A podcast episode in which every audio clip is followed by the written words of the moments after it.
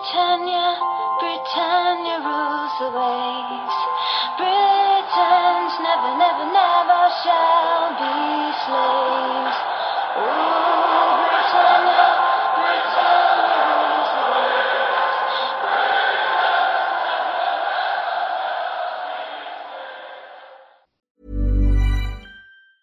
Hiring for your small business? If you're not looking for professionals on LinkedIn, you're looking in the wrong place. That's like looking for your car keys in a fish tank.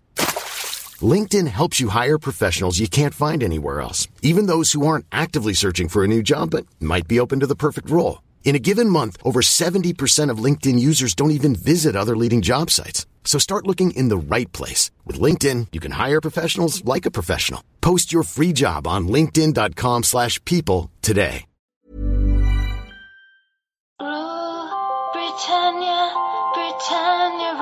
Rules the waves. Britons never, never, never shall be slaves. Ooh, Britannia, Britannia rules the waves.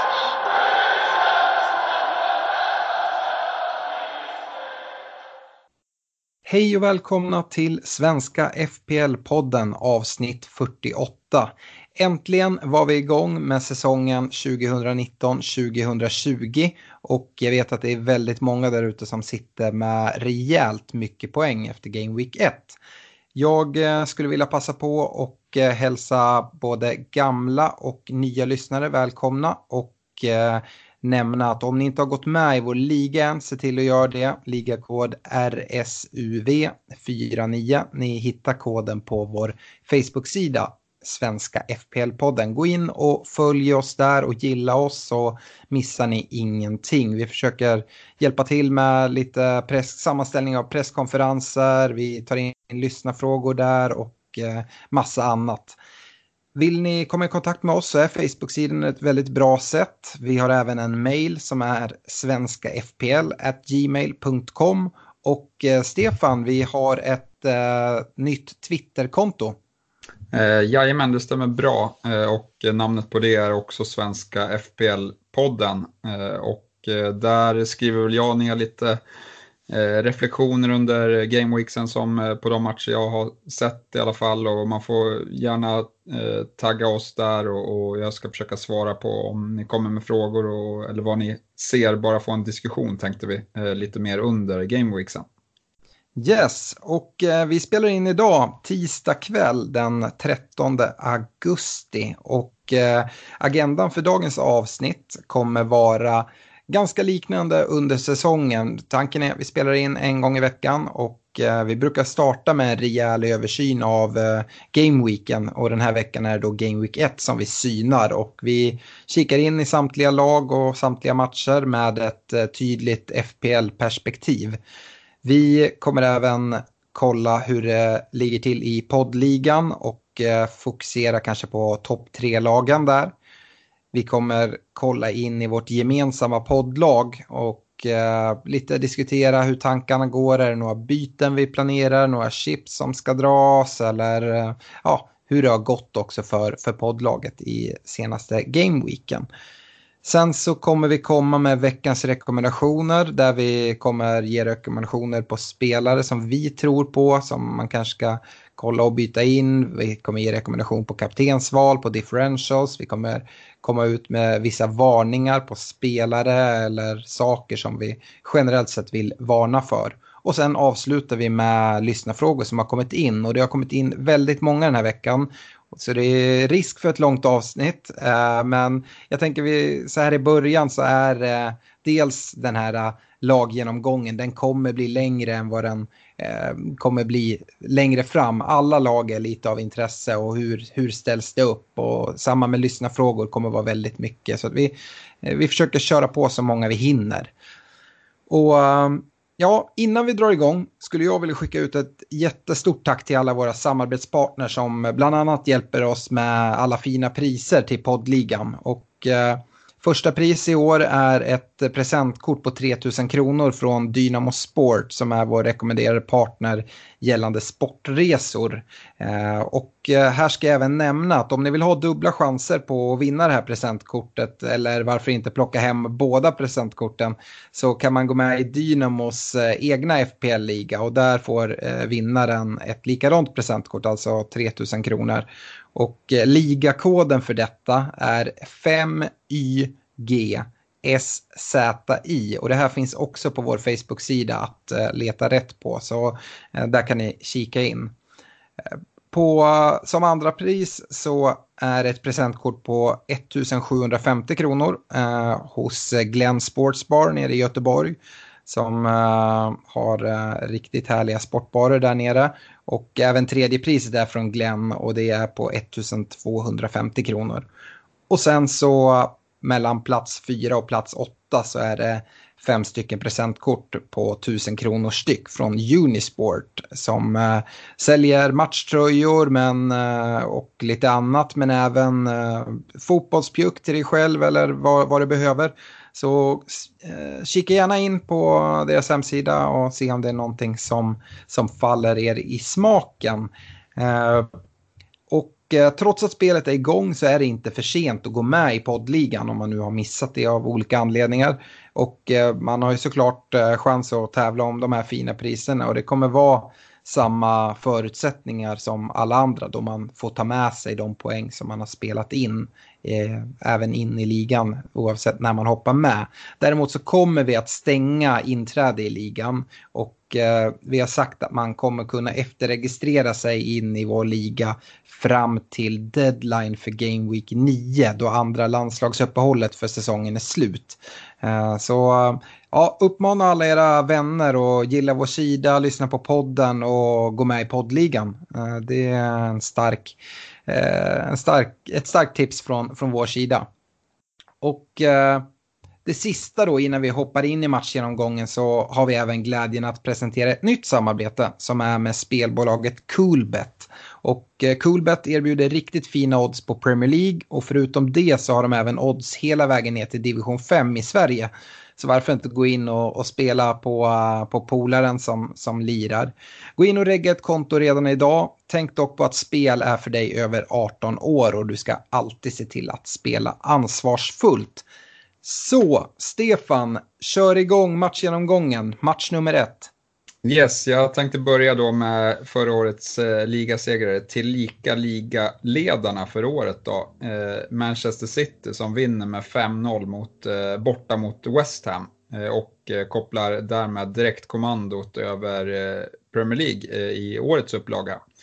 Eh, jag tycker om matchen i sig så blev väl, blev väl siffrorna lite väl eh, stora på slutet och eh, jag tycker West Ham gör det bra i första halvlek men eh, det rinner på lite och eh, jag tycker även att West Ham hade kunnat fått in en balja. Det saknades inte, inte chanser där. Eh, men om man ska börja analysera Manchester City då, som är eh, högst intressant så, så tycker jag att hela offensiven egentligen imponerar. Eh, men det är rätt tydligt att eh, det är Sterling som kommer till de klaraste lägena eh, och han kommer nog ha en viktig roll i, i den biten i år. Eh, framförallt nu när Sané också är eh, långtidsskadad. Eh, han är klinisk, han gör tre mål på sina fyra avslut i matchen. I övrigt så gör ju Mares också en supermatch där han både hotar offensivt med skott men även skapar mycket lägen för sina medspelare. Trots detta så rekommenderar jag att man ska gå på De Bruyne om man vill dubbla upp deras anfallsspel. Då konkurrens, konkurrensen mellan Mares och Bernardo Silva kommer vara stenhård här under, under säsongen. Eh, Bernardo Silva han missar, eller han sitter på bänken i alla fall, på grund av en lindrigare muskelskada eh, som Peppe säger på presskonferensen och det borde väl ligga någonting i det då eh, Silva var eh, en av de eh, mest givna spelarna i fjol så har jag svårt att se att han helt plötsligt inte skulle vara prioriterad här.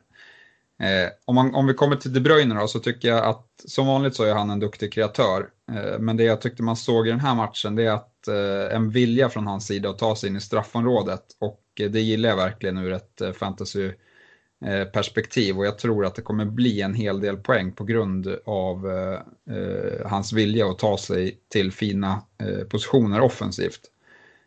det tyder väl också på att hans skadedrabbade fjolårssäsong är ett minne blott nu då han eh, borde känna sig väldigt mycket bättre i kroppen och därför eh, tar de här löpningarna utan att eh, känna att, eh, att eh, han några skadekänningar.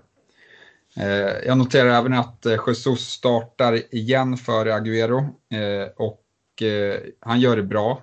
Men eftersom de ska möta Spurs nästa match så blir nog ändå mitt tips att Agüero kommer spela den matchen för, från start just på grund av hur viktig matchen är och hur eh, Agüero ligger före i Jesus i eh, turordningen. Eh, om vi kollar på försvaret så har vi ju två startande 5,5 år i Sinchenko och Stones eh, och där föredrar jag Stones som känns lite mer given. Eh, han trumfade även eh, eh Sinchenko i bonussystemet här i, i omgång 1. Eh, men sen ska man inte glömma bort eh, Walker som gör en väldigt fin match, såg eh, också väldigt löpvillig ut. Han kostar dock 6,0 vilket jag tycker är det är det som tar bort hans, det intressanta i honom. annars såg han riktigt hungrig och fick med sig en ass i den här matchen också. det var det om Manchester City. om West Ham så, ja, det är alltid svårbedömt när man möter Manchester City och analyserar motståndarlaget för att City är ofta eh, väldigt, väldigt dominerande och då blir det konstiga matchbilder för det andra laget. Men eh, jag tycker att eh, Lanzini, eh, mittfältaren som eh, också var mycket skadad i fjol, kostar 6,5. Jag tycker han gör en bra insats i den här matchen. Han har även West Hams bästa chans på, på en retur där Ederson får göra en riktigt fin räddning för att hindra bollen från att gå i mål. Jag tycker även att Nye Haller på topp visar upp ett eh, riktigt fint targetspel i första halvlek. Eh, vi får se mer hur det kommer se ut när de möter sämre motstånd. Han kostar 7,5 vilket eh, är kanske lite väl eh, att gå på så direkt utan att ha sett han mer. Men eh, intressant tycker jag. Eh, försvarsspelet, det såg faktiskt rätt bra ut i första halvlek. Eh, men jag är lite osäker på om det berodde på att City inte hade fått upp tempot riktigt. De slarvade en del i passningsspelet i första. Eh, I andra så såg det inte lika bra ut med försvarsspelet. Så det, jag tror vi får kolla på Westerns försvarsspel i några fler matcher innan vi kan eh, bedöma det. Eh, man ska dock ha med sig att West Ham har ett bra spelschema från Game Week 2 här nu så att ja, man ska nog fortsätta kika men jag avvaktar lite grann ändå.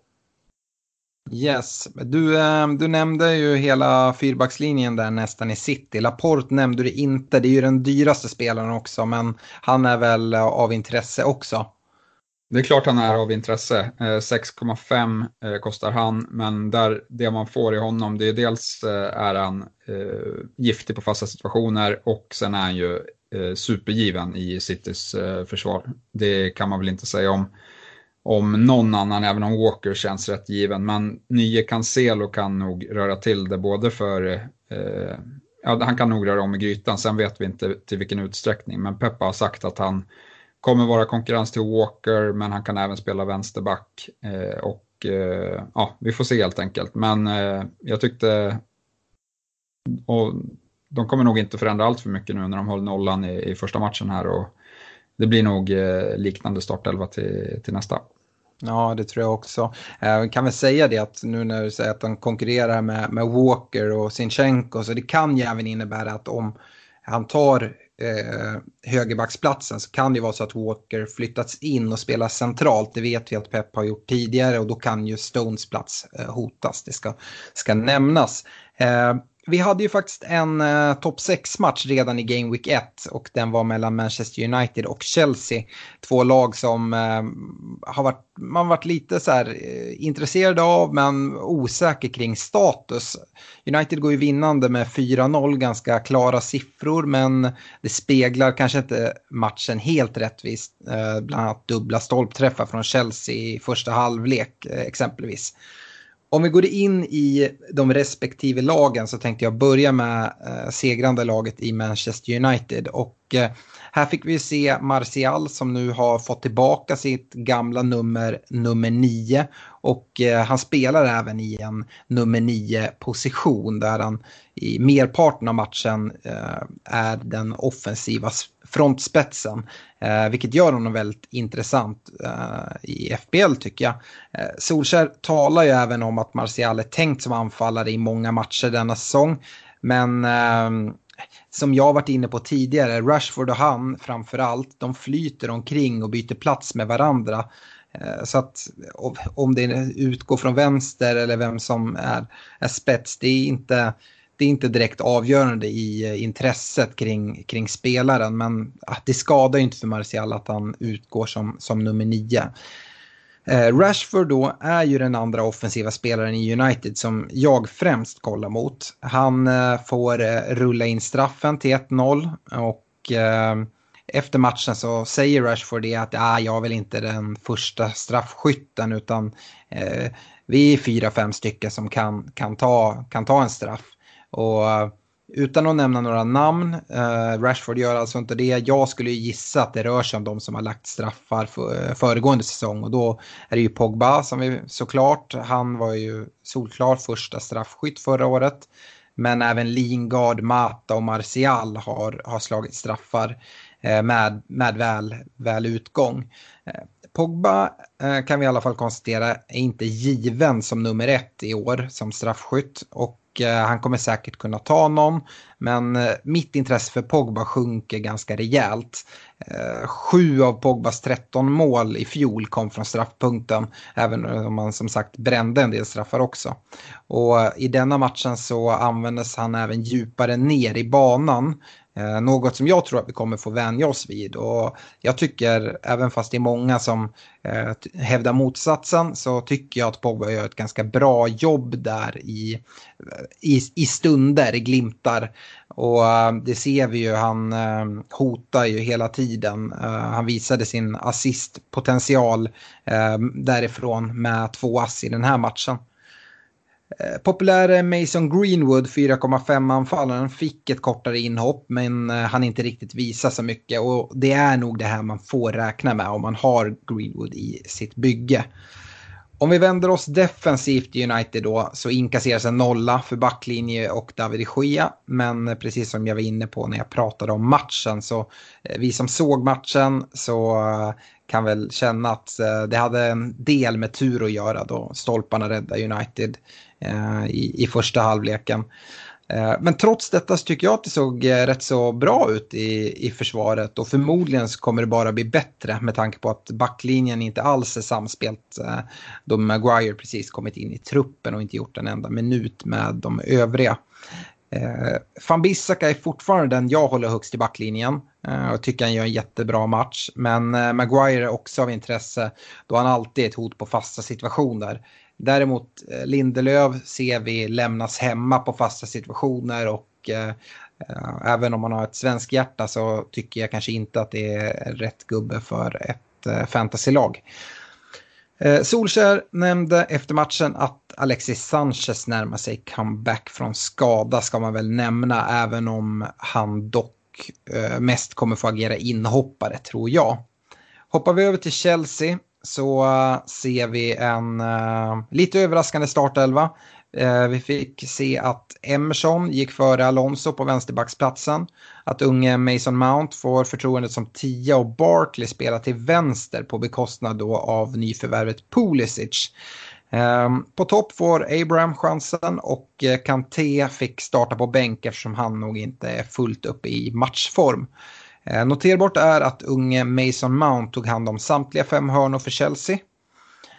Eh, sen så eh, tänker jag gå in lite på försvarsdelen i Chelsea och vi fick se ett mittbackspar av Zuma och Christensen. Och de startar precis som vi förväntade oss och det lär ju vara lite av en audition här eh, framöver för de här två om vem som ska bli försteval tillsammans eh, med Rydiger när han är helt åter från skada. Vi vet att Rydiger är tillbaka i träning.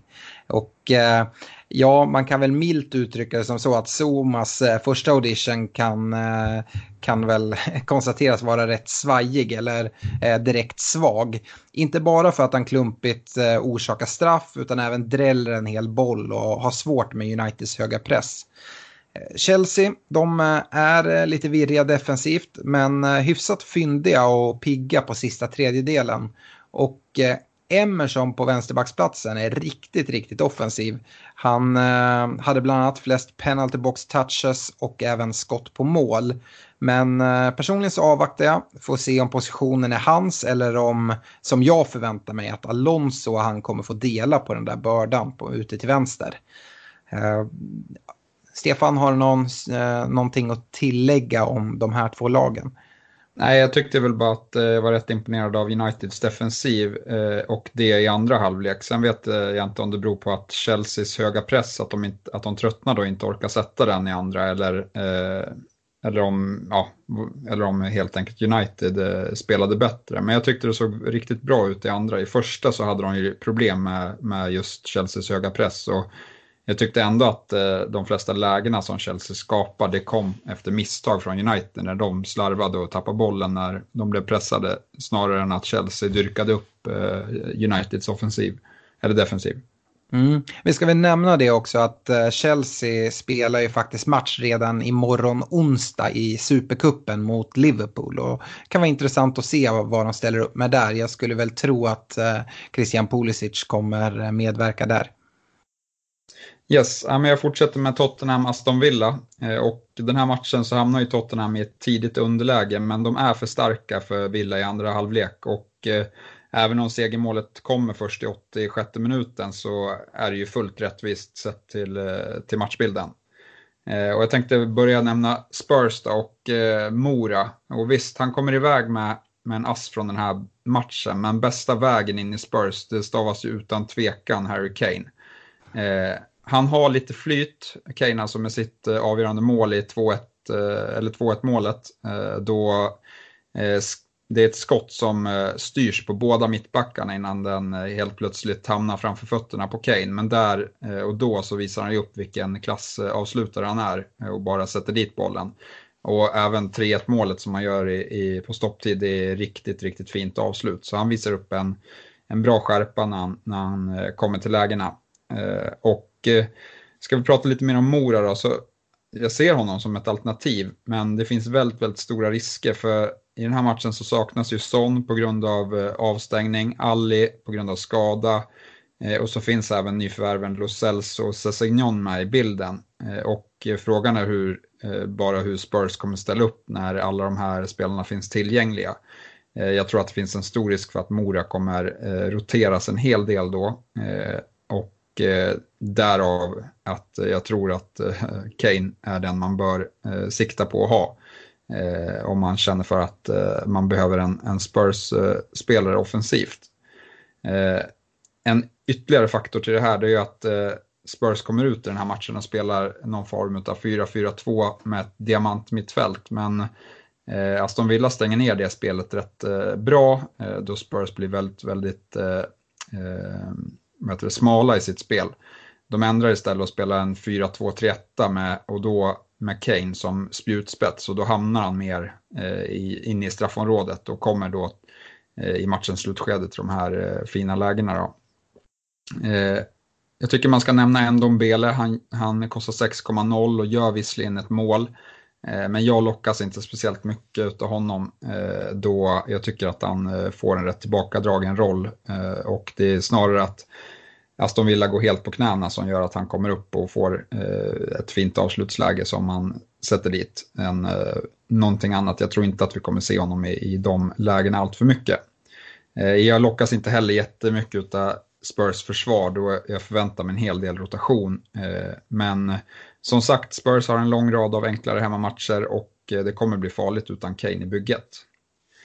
Ska vi prata lite Aston Villa så tycker jag att eh, de gör ju en härlig debut här. De är ju trots allt bara några minuter ifrån en skrällpoäng på, eh, mot Spurs och eh, tycker Mings eh, eh som i mitt försvar gör ett, eh, en bra match. Eh, men jag lockas mer utav Heaton eh, för samma pris i kassen som gör några riktigt svettiga räddningar i, i den här matchen.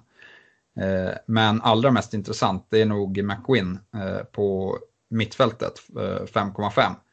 Eh, han ser ju ut som eh, en Ryan Fraser ungefär i kroppsbyggnad, har samma pris som Fraser hade i fjol. Eh, frågan är bara, kan han leverera samma succé? Det blir väl svårt eftersom Fraser hade en riktigt fin säsong i fjol, men det här kan nog vara riktigt bra värde. och han är en fin avslutare när han kommer till lägena. Man ska även tillägga att Aston Villa har de bästa matcherna kommande sju om man rankar dem. Ja, underbara McGinn. Jag har ju talat mig varm för, om honom och eh, även om jag tycker att Graylish är en bättre fotbollsspelare så tycker jag solklart att McGinn är ett bättre fantasyval och eh, där sparar man dessutom in 0,5. Så en mittfältare för 5,5 av eh, McGinns fantasy Eh, prestationer som jag tror vi kommer se och Aston Villas schema. Jag tycker han är jätte, jätteintressant. Eh, sen kan vi ju sudda ut eh, Harry Kanes augustispöke. Han gjorde ju mål förra säsongen också. Men nu gör han två direkt i premiäromgången. Och det kommer nog fyllas på på det målkontot nu med de här fina hemmamatcherna som du nämner. Eh, jag tänker hoppa in i Liverpool-Norwich som startade igång hela Game Week 1 redan på fredagskvällen. Och eh, eh, väntat är ju att eh, Norwich kommer läcka bakåt. Men eh, de visar även att de kommer kunna ställa till oreda offensivt mot väldigt många lag. Eh, Liverpool, ja, eh, Origi han får en fantasy-assist vid självmålet som inleder målskyttet tidigt på Anfield och sen rinner det på. Det givna kaptensvalet för den här omgången i Sala levererar direkt med 1 plus 1. Och eh, även Virgil van Dijk får öppna sitt målkonto tidigt med hörnmål där Sala slår hörnan. Eh, och eh, det verkar som att eh, Sala och Trent delar på hörnorna och slår från varsin sida i den här matchen. Eh, Frågan är om vi kommer få se fler hörnmål nu med VAR då försvararna kanske är lite mer försiktiga med de här brottningsmatcherna där inne.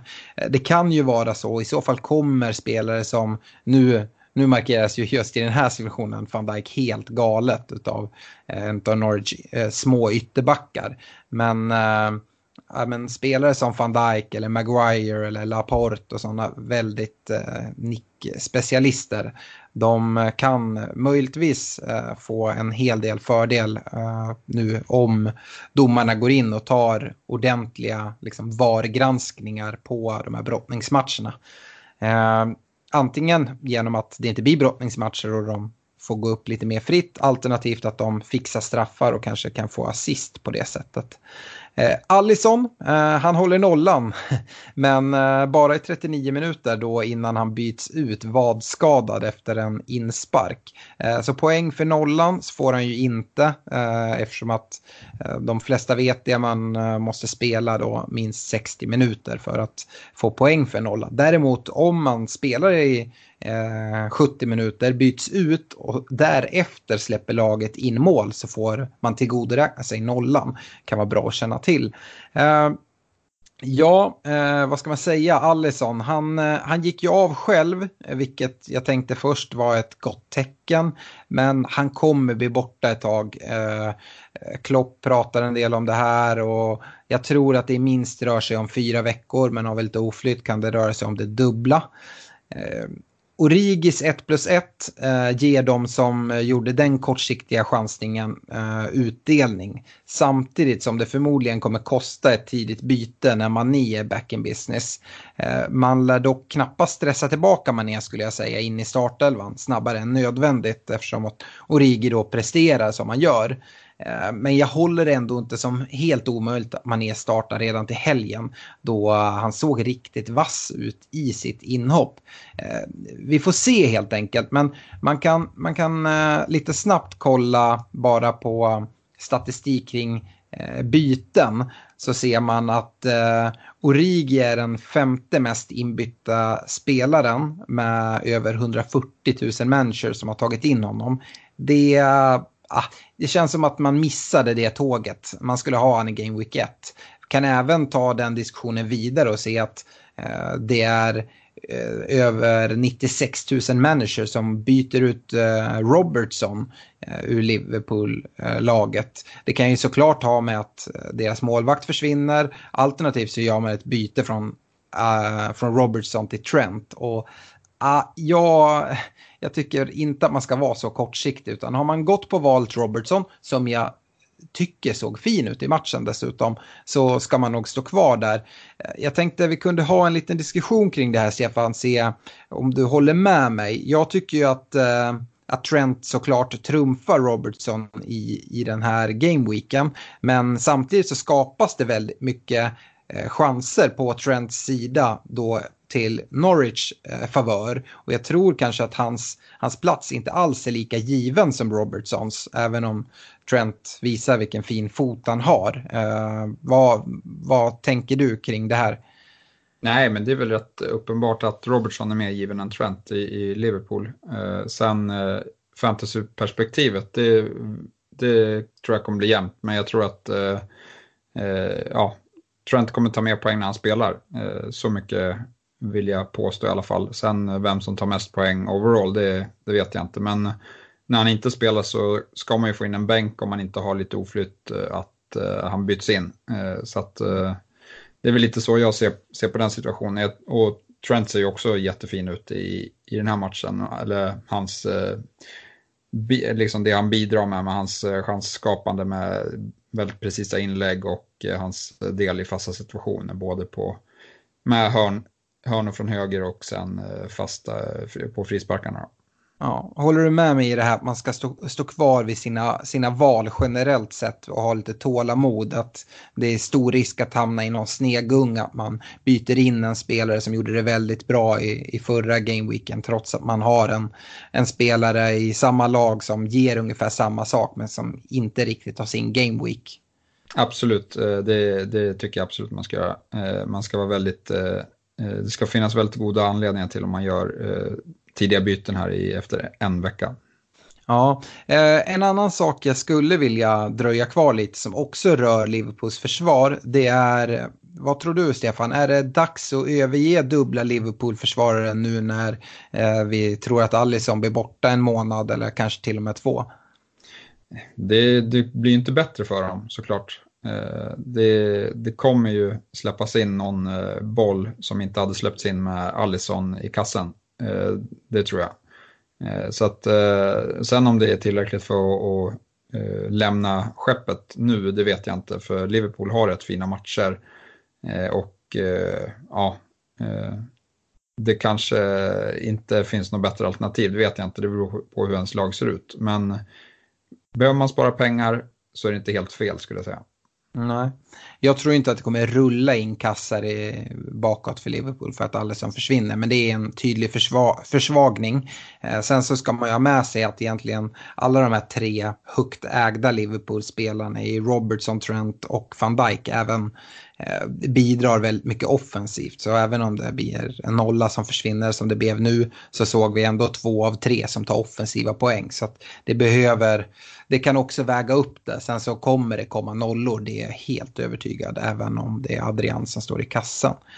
Eh, går vi vidare då och kollar på Norwich så tycker jag att det är rätt kul att se Norwich samtidigt som det är rätt naivt. Men vi hade ju fått den här informationen redan på förhand att det ska inte parkeras någon buss, det är inte våra styrkor utan vi kommer spela som vi alltid har gjort.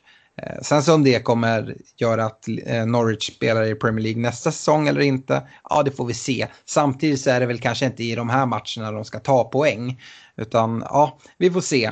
I alla fall så fick vi se en 4,0 försvarare i Hanley starta. Eh, och inte nog med det, han har dessutom kaptensbinden. Tyvärr är det ju han som gör det tidiga självmålet i matchen. Och eh, trots det självmålet så hade han som sagt binden och Hanley är nog enligt mig den 4,0 försvarare som kanske är den mest givna på sin position även på sikt med tanke på, på just detta. Eh, viktigt är att eh, det är just på sikt skulle jag säga då spelschemat knappast är något man blir sugen på. Eh, Norwich har ju jättetufft nu med sitt spelschema.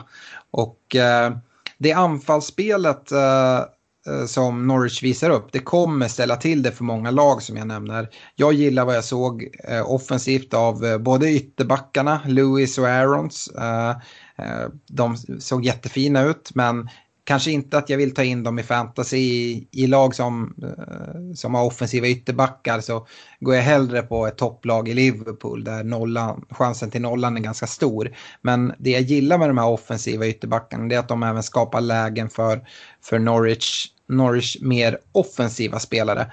Och eh, Ja, jag eh, tar med mig framförallt från den här matchen, det med Norwich, det är att eh, jag tror när topp 6-lagen möter dem så finns det, gör man ganska klokt i att sätta ett kaptensval där. För att eh, det kommer vara full fart framåt i, eh, i Norwich oavsett vilka de möter. Eh, Chelsea möter de i Game Week 3. Där kanske det inte finns några superklara kaptensval men de möter ju City redan i Game Week 5. Och ja, det är väl börja, läge att börja fingra mot Sterling. Eh, Sen Stefan, eh, hur långt ifrån är du en pudel på Temo Pukki? Ja, det, den börjar faktiskt eh, se lite eh, trovärdig ut nu när jag sett han spela på riktigt. Ja, jag älskar, jag, jag ser fram emot den gång under säsongen då Pukki sitter i, i din eh, fantasy 11. Det kan faktiskt bli redan i Game Week 2, det är ett av de jag överväger. ja, det hade varit fantastiskt. Ja, jag, jag är färdig där, du får gärna skjuta in något eh, om du vill. Nej, eh, utan jag går vidare med Newcastle Arsenal. Eh, och eh, det här tycker jag är en ganska slätstruken match. Eh, jag sa till min eh, kompis som jag satt och kollade på matchen med att hade jag sett den här själv så hade jag nog troligtvis somnat i första halvlek. Och han höll med att han hade definitivt somnat om inte jag hade varit där. Så äh, jag tyckte det var en rätt slätstruken match, men Arsenals ska man ändå säga, de skapar de lite hetare chanserna och eh, kommer iväg med en eh, 1-0-seger och dessutom en bortaseger som eh, de hade stora problem att ta in i fjol. Så det får ändå ses som en styrka. Vi börjar med Arsenal så tycker jag att det är svåranalyserat och eh, många offensiva pjäser saknas. Eh, Aubameyang fortsätter, fortsätter dock sin eh, fina försäsongsform och är ju den spelaren som har allra flest lägen i, i den här matchen. Eh, och är den som hotar. Eh, å andra sidan så har vi Lacazette, han blir kvar på bänken hela matchen efter sin skada. Eh, Pepe och Ceballos, de får kortare inhopp, men då när de kommer in så försöker Arsenal mer eller mindre bara spela av tiden, vilket gör det svårt för dem att imponera. Defensiven, den höll ju den här matchen, och, men man får ha i åtanke att det var mot Newcastle. Det kommer komma svårare prov än så här. Men en spelare som gör det väldigt fint i den här matchen det är ju Maitland Niles. Eh, han har ju alltid sett rätt lovande ut offensivt men i den här matchen så håller defensiven ihop eh, bra också. Eh, och han gör en fin assist eh, till Aubameyang. Eh, och han kommer ju vara fortsatt första val på den positionen så länge Bellerin är borta. Eh, det Arsenal inte har med sig det är ju spelschemat här till en inledning och Eh, det gör att jag håller mig borta och, och kikar hur det ser ut och är jättenöjd för alla tre poängar som trillar in på kontot. Eh, ska vi prata Newcastle, då blir jag inte speciellt exalterad över någon egentligen. Spelschemat är svårt. Men det är värt att notera i alla fall att Almiron, som står som mittfältare för 6,0, han spelar det i den här matchen med i ett tvåmannaanfall med nio brassen Joel Linton. Och eh, Joe Linton, han såg väl helt okej okay ut eh, utan, att, eh, var, eh, utan att utmärka sig allt för mycket. Eh, annars så tycker jag att Richie, eh, som står som back och kostar 5,5, eh, han spelar offensiv eh, vänsterytter eh, och är den spelare i Newcastle som skapar flest lägen. Så han kan vara av intresse om Newcastle börjar spela bra. Sen har vi även San Maximin som gjorde ett inhopp och eh, är väl redan lite utan publikfavorit på St. James' Park. I alla fall lät det så eh, när han kom in. Eh, en spelare som utmanar väldigt mycket och såg som sagt eh, pigg ut. Han kostar 5,5 då på mitten. Yes, uh, jag tänkte gå vidare med Watford Brighton. Eh, det blir 0-3 här, Brighton eh, och Graham Potter plockar en eh, väldigt fin bortaseger mot ett vanligtvis så inledningsstarkt Watford. Men Watford såg inte alls redo ut och frågan är om det inte var Watford som var så förbaskat dåliga och kanske inte Brighton som var så så strålande bra. Men eh, om vi ändå går in i Brighton så spelar de med wingbacks precis som väntat väntat. Men en skillnad från senaste försäsongsmatcherna är att nya intressanta Trossard fick inleda bänk samtidigt som det då fanns rum för en Pascal Gross. Eh, som vi varit inne på inför säsongen så är Potter en tränare som kommer göra en del liknande saker där han kastar om formationer och roterar vilket eh, ställer till det för oss FPL-managers. Potter själv sa efter matchen att en av anledningarna till varför Trossard fick sitta bänk var att han inte vill att han ska få sin första Premier League-match på, på bortaplan. Och detta tycker i alla fall jag indikerar att eh, Trossard har ganska stora chanser att eh, starta till helgen redan hemma mot West Ham. Och eh, om jag hade haft Trossard i mitt lag så skulle inte jag byta ut honom riktigt än. Eh, då det är ett intressant nyförvärv som jag tror vi kommer få se mycket av den här säsongen. Och jag tror att eh, han kan överraska en del. Eh, de tre andra nyförvärven för Brighton är Moy, Webster och Mapei. Där den senare kommer in från bänken och, och gjorde mål. Eh, så ja, de anslöt ju alla tre tidigare samma vecka och ställde sig över från start av den anledningen, säger Potter. Eh, jag tror på sikt vi kommer se alla de här tre nyförvärven som hyfsat regelbundna startspelare och passa på att varna lite för jag tror att Glenn Murray som har visat att gammal är äldst nu i många säsonger kommer att få ganska mycket mindre speltid denna säsong. Eh, mittbacken Louis Dunk för 4,5 måste lyftas för hans otroligt fina framspelning till avslutande 3-0 målet. Han slår en genomskärare genom hela mittfältet och försvaret i, i Watford. Och eh, när jag såg att Dunk hade fått en assist trodde jag först att det var någon fast situation där han hade nickat i ryggen på någon spelare och så hade bollen dimpit ner. Men nej, riktigt fin assist. Eh, och eh, även om Brighton har ett fint schema här framöver så ska man ha med sig att eh, ja, i denna match så mötte de ett mycket, mycket svagt Watford som vi snart kommer komma till. Som framförallt lämnade ytterbackarna helt utelämnade utan understöd. Och om man ser till eh, statistiken så, så bekräftas det eh, starkt där. Så eh, Ja, fyll inte era FPL-lag med Brighton-spelare riktigt än. Det är mitt tips. Watford då, detta bedrövliga Watford, de såg inte ut som om de förstod att säsongen hade dragit igång.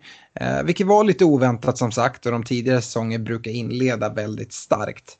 Eh, en av de absolut svagaste insatserna såg eh, din kära Delofeo för Stefan. Jag vet att det är en spelare som, som du kikar på eh, ofta i, i fantasy. Han, eh, dels så placeras han på mittfältet trots sin omklassning till forward i fantasy. Och eh, i sin mittfältsroll så då gav han absolut 0% och blanka fan i defensivt arbete. Vilket skapar stora problem framförallt för Cholebas på, på vänsterbacken. Och eh, det ledde ju till att Delofeo fick ses utbytt redan i halvtid. Eh, och som sagt, detta svaga Watford möter Everton borta i nästa match. Och om det ser ut som i den här matchen så kan man förvänta sig utdelning på sina Everton-spelare. Och kanske ska slå ett extra slag för ytterbackarna Digné och Coleman då på grund av Watfords svaga kantspel om de inte lyckas rätta till det. Ja, det här är ju en av anledningarna till varför Bookie kanske är i laget Game Week 2 ska jag flika in här. Mm, absolut. Eh, men jag fortsätter med Bournemouth eh, Sheffield United. Eh, den här matchen slutar rättvist med ett kryss eh, efter att Sheffield fått in en sen kvittering, men de ska absolut inte eh, eh, vad heter det, vara blyga för den poängen, utan det hade de gjort sig förtjänt i den här matchen. Eh, och jag börjar med Bournemouth då. Tillsammans med Chelsea och Watford så tycker jag väl att det här är ett av lagen som överraskade mest eh, negativt i, i första veckan. Och det är ju framförallt ett problem för de dyrare spelarna i Wilson och Fraser som behöver, som behöver visa upp ett betydligt bättre spel än så här för att eh, rättfärdiga det priset som de eh, har i år. Eh, om man ska säga någonting positivt så fanns det väl några fyndspelare i Bournemouth som utmärkte sig och där eh, ibland nio mittbacken Meffam eh, för 4,5. Han gör ju ett mål, man hotar på fasta situationer och har eh, förutom sitt mål då ytterligare en väldigt fin chans att eh, göra ett till mål faktiskt. Eh, sen har vi nyförvärvet Billing eh, för 5,0 på mitten. Han är också väldigt involverad i det som skapas i Bournemouth i den här matchen. Så de kanske kommer iväg med godkänt då, medan de här lite dyrare spelarna måste steppa upp rejält, skulle jag säga. Eh, det om Bournemouth helt enkelt, det fanns inte så mycket mer att säga. Eh, Sheffield United, de imponerar ju desto mer och eh, framförallt med att stänga ner ett hemmastarkt Bournemouth. Och en stor del i det har ju United-lånet Henderson i kassen. Men han kostar 4,5 och skulle vara jättefin att äga i ett scenario där inte Sheffield hade en Eh, 4,0 back som startar i Lundström. Eh, han spelar ju defensiv mittfältare och eh, det gör att priset helt enkelt gör att jag lockas mer av honom. Han visar sig dessutom vara en bra bonusspelare då han kommer iväg med en extra pinne från den här matchen. Han byts ut i 78 minuten men det är ju när Sheffield jagar på för en kvittering och offrar lite defensiv stabilitet, vilket var helt rätt och de fick in 1-1. Men eh, som sagt, jag tror att eh, Sheffield kommer ju vara den nykomling som spelar mest eh, cyniskt och framförallt så tror jag att de kan vara intressanta på hemmaplan. Om man ska kika framåt så är jag väl inte riktigt lika imponerad av Sheffield, men de har en mittfältare i fantasy som heter Robinson för 5,5. Han spelar toppforward och det är väl han som känns mest intressant efter vad vi såg här i premiären. Eh, jag såg inte matchen, men eh, Norwood där på mittfältet som tar fasta situationer, eh, har du någon bild av honom? Nej, jag vet inte, de kom inte... Han är ju en, om man ska jämföra lite så är han väl en, om man tänker Wolves så ligger han ju djupt ner i banan och är kreatör. Så han är spelfördelare som likt Moutinho eller, eller en Neves ligger lite djupare. Han har väl lite utav Eh, vad de kan bidra med, dels i passningsspel han har ett fint långskott. Men det var ingenting man såg någonting av i den här matchen skulle jag säga. Mm, nej, eh, då ska jag gå in på den sista matchen som jag har eh, analyserat och det är Burnley mot Southampton. Och här kommer Burnley iväg med tre poäng efter ett 3-0 resultat. Och ja, jag har sagt det om eh, Brighton-matchen, men jag säger det även här. Det här resultatet kanske inte speglar matchbilden eh, helt fullt ut. Och vi kan konstatera att Ashley Barnes som har haft en ganska trög försäsong och inte gjort något mål samtidigt som hans eh, anfallskollegor har vräkt in mål på försäsongen. Han verkligen älskar att göra mål mot Southampton. Det visar han i den här matchen med sina två kassar. Burnley då, hans anfallskollega Wood, han eh, får ett mål bortdömt på en ganska tight offside eh, som gör att han missar det. Eh, och som sagt, istället är det anfallskollegan Barnes som eh, inte bara inleder målskyttet utan även gör ytterligare en kasse. Båda målen assade av nyförvärvet Peters från Stoke. Och ja, den första assen, det egentligen tveksamt om man ens ska kunna få assistpoäng för. Det är en märklig rensning. Eh, samtidigt så då följer han upp med den andra assen som är helt vansinnigt fin och med ett inlägg som lika gärna hade kunnat kommit från eh, Trent Alexander-Arnolds fot. Eh, samtliga tre mål som Burnley gör, de görs inom loppet av 12 minuter i andra halvlek.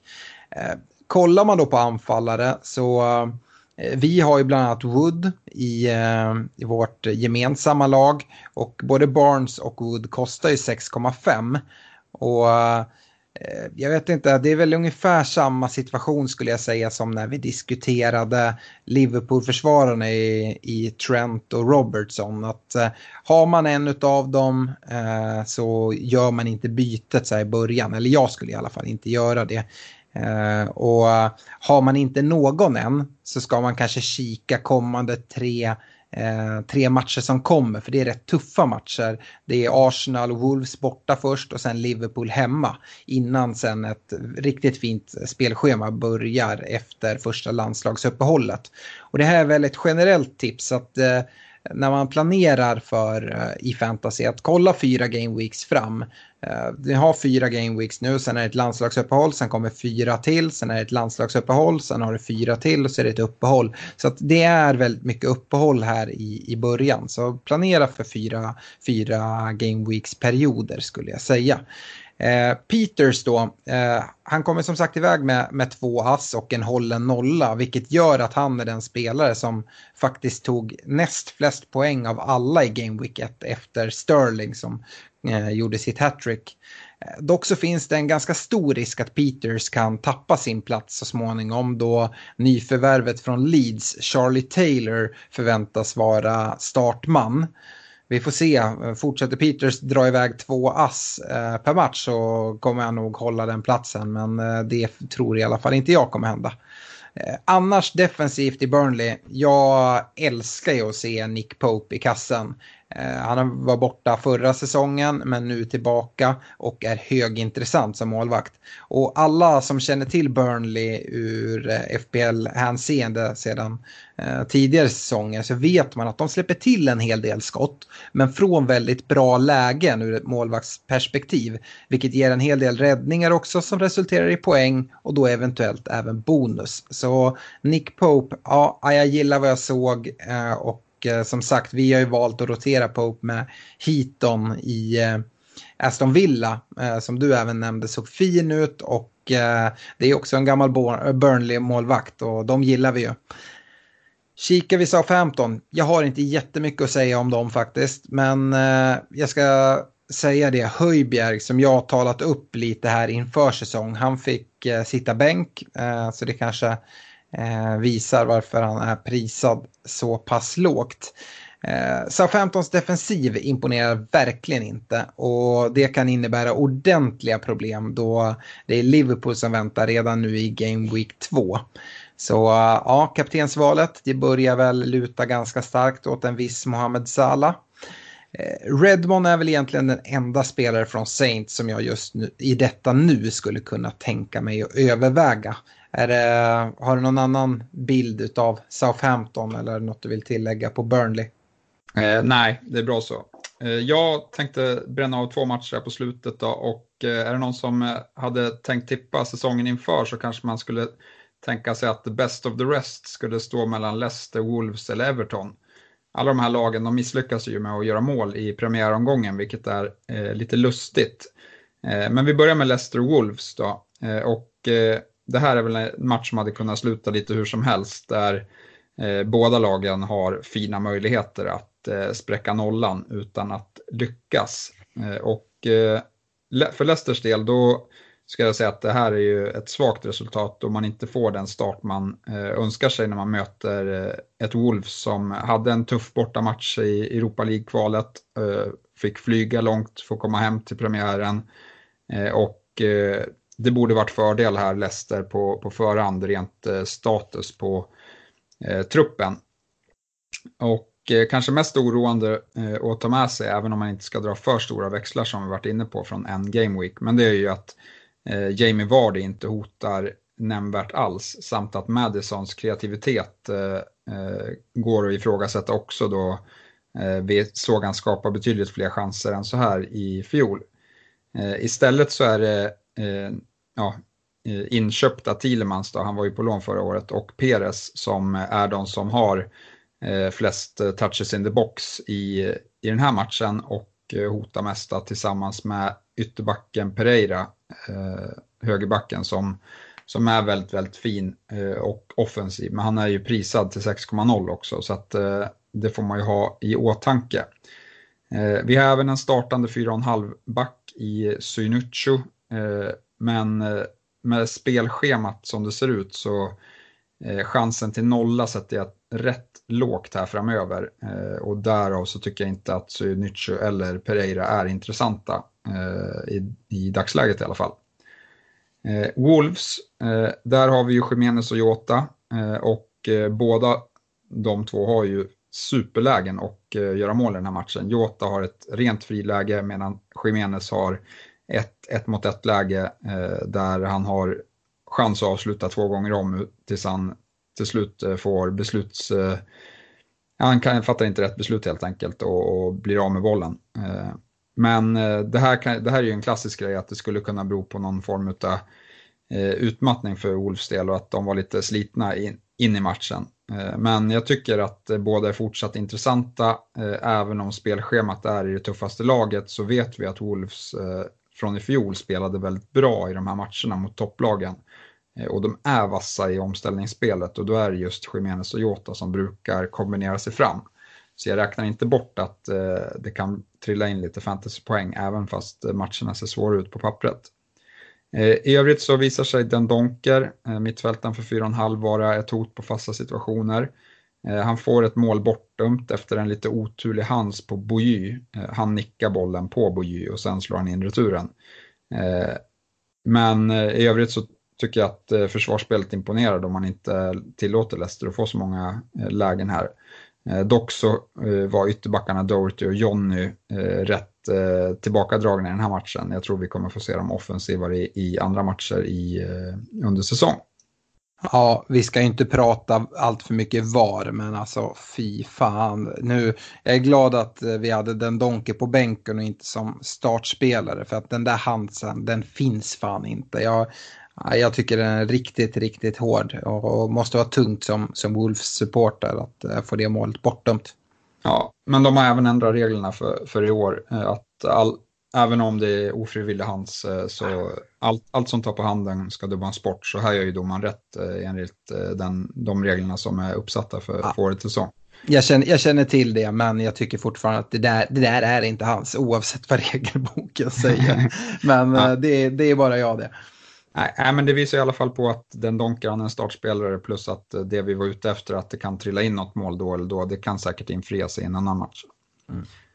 Eh, så har vi Palace-Everton då. Eh, och här tycker jag väl att Everton är det laget som eh, ligger närmast segern då de kommer ut eh, allra bäst i första halvlek där de borde ha fått in ett ledningsmål. Men i andra halvlek då är det en helt annan historia, då är det rätt jämnt istället och båda lagen har väl egentligen varsitt fint läge i andra att avgöra.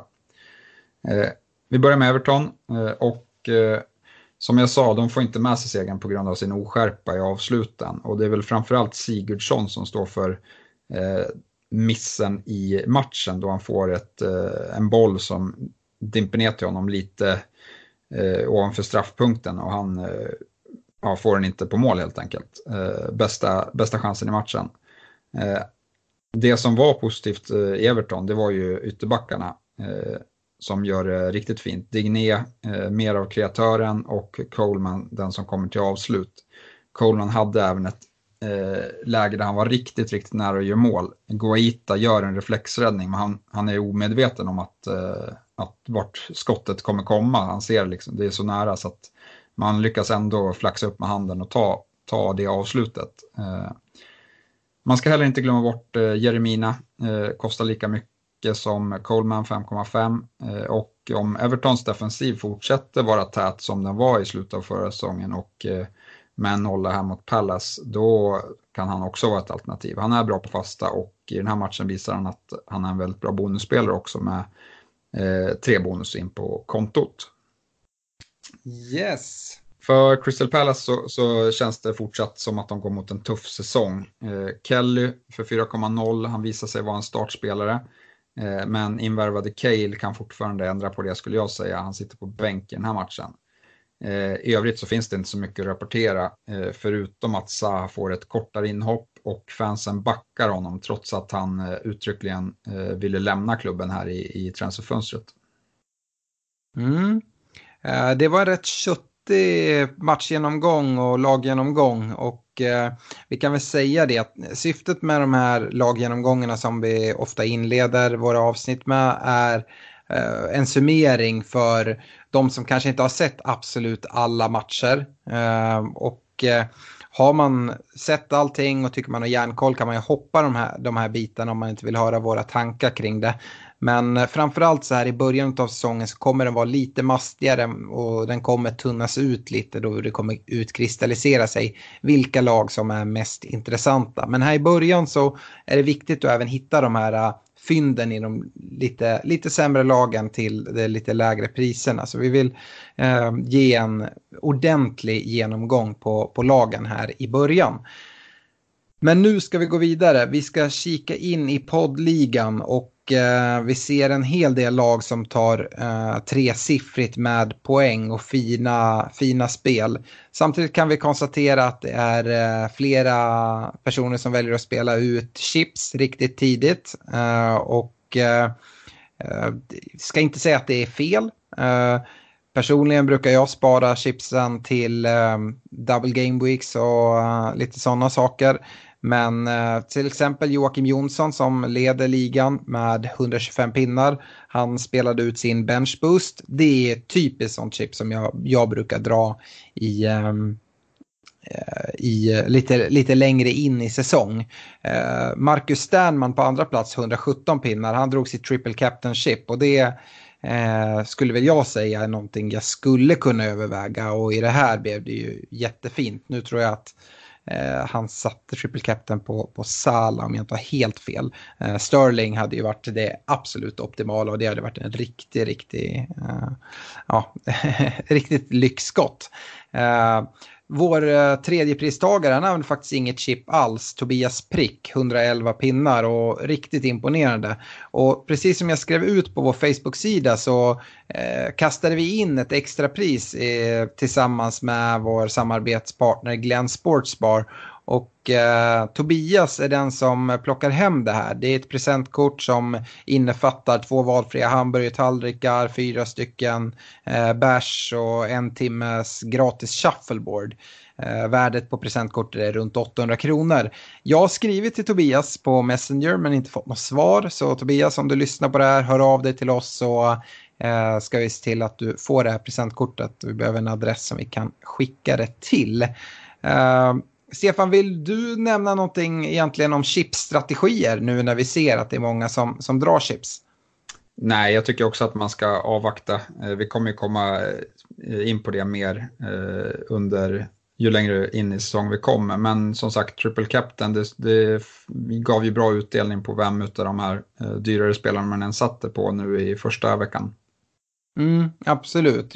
Framförallt bench boost och eh, nu inför Game Week 2 öppnas ju även ett nytt chip Eh, upp. Det, eller nytt, det har ju funnits tidigare men man har inte sett det eh, inför Game Week 1 med free hit där du får göra hur många byten du vill. Det är också ett sånt chip som vi verkligen rekommenderar att man spar mot eh, oftast slut av säsongen men i år kommer vi nog få se lite blanka och dubbelveckor tidigt redan då Liverpool ska iväg och spela VM för klubblag och sådana här saker. Så det kommer nog komma innan jul redan dubbelveckor. Eh, men annars kommer det framförallt dubbelveckor och blanka veckor komma på, på vår, eh, vårsidan.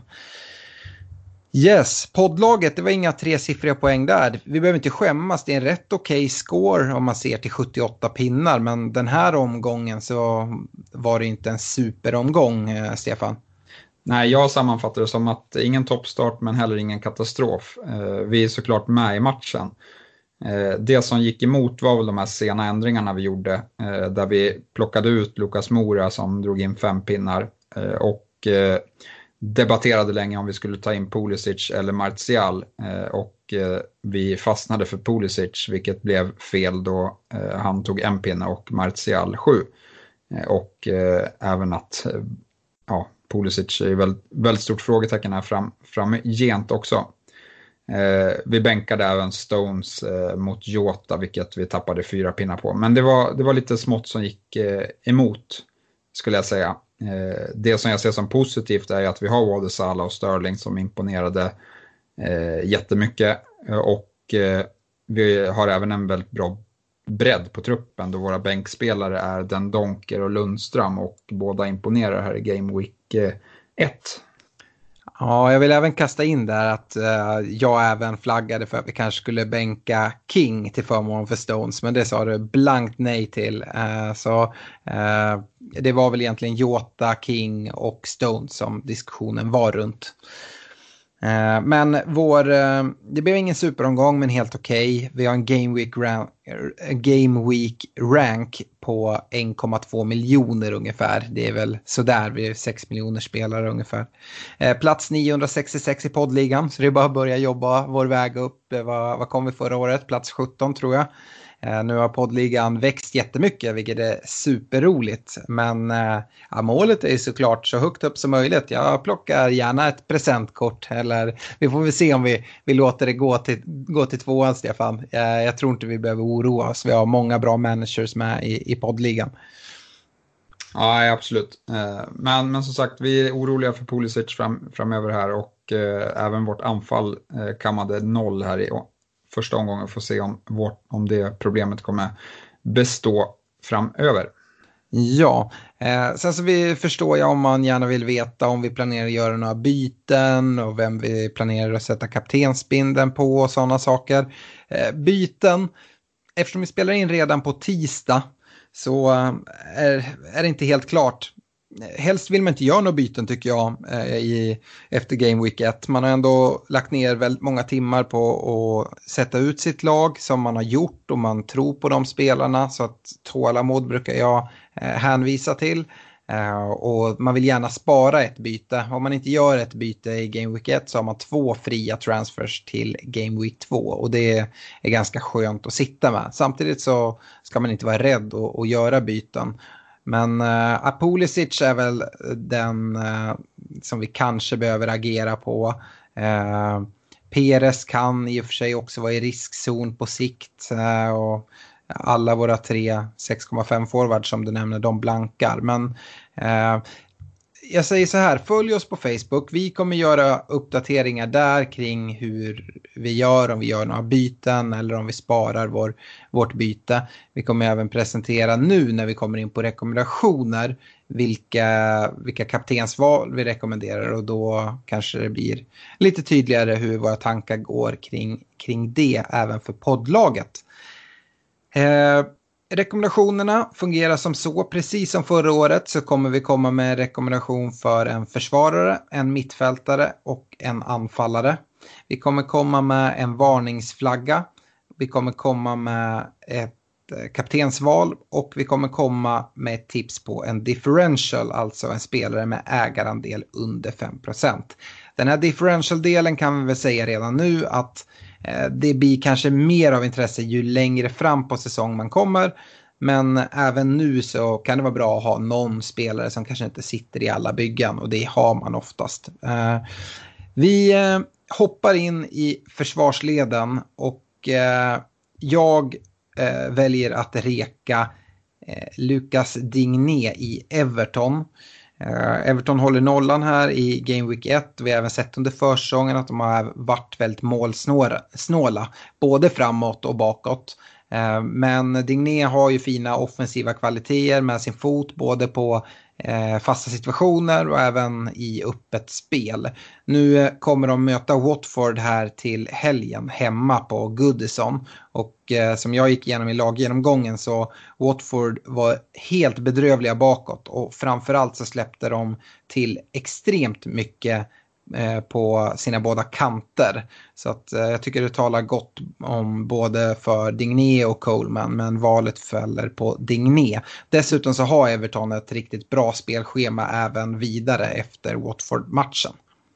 Ja, jag backar din rek fullt ut här. Jag tycker även, som jag var inne på i laggenomgången, att Coleman och eh, till viss del Mina också är intressanta. Eh, men eh, den, för att nämna någon annan så nämner jag Aron Fambisaka i United Eh, och jag tycker deras försvarsspel imponerar. Eh, det här kanske är någon vecka för tidigt, men det var för att när jag kollade på det eh, så tyckte jag inte egentligen att någon annan lockar jättemycket här.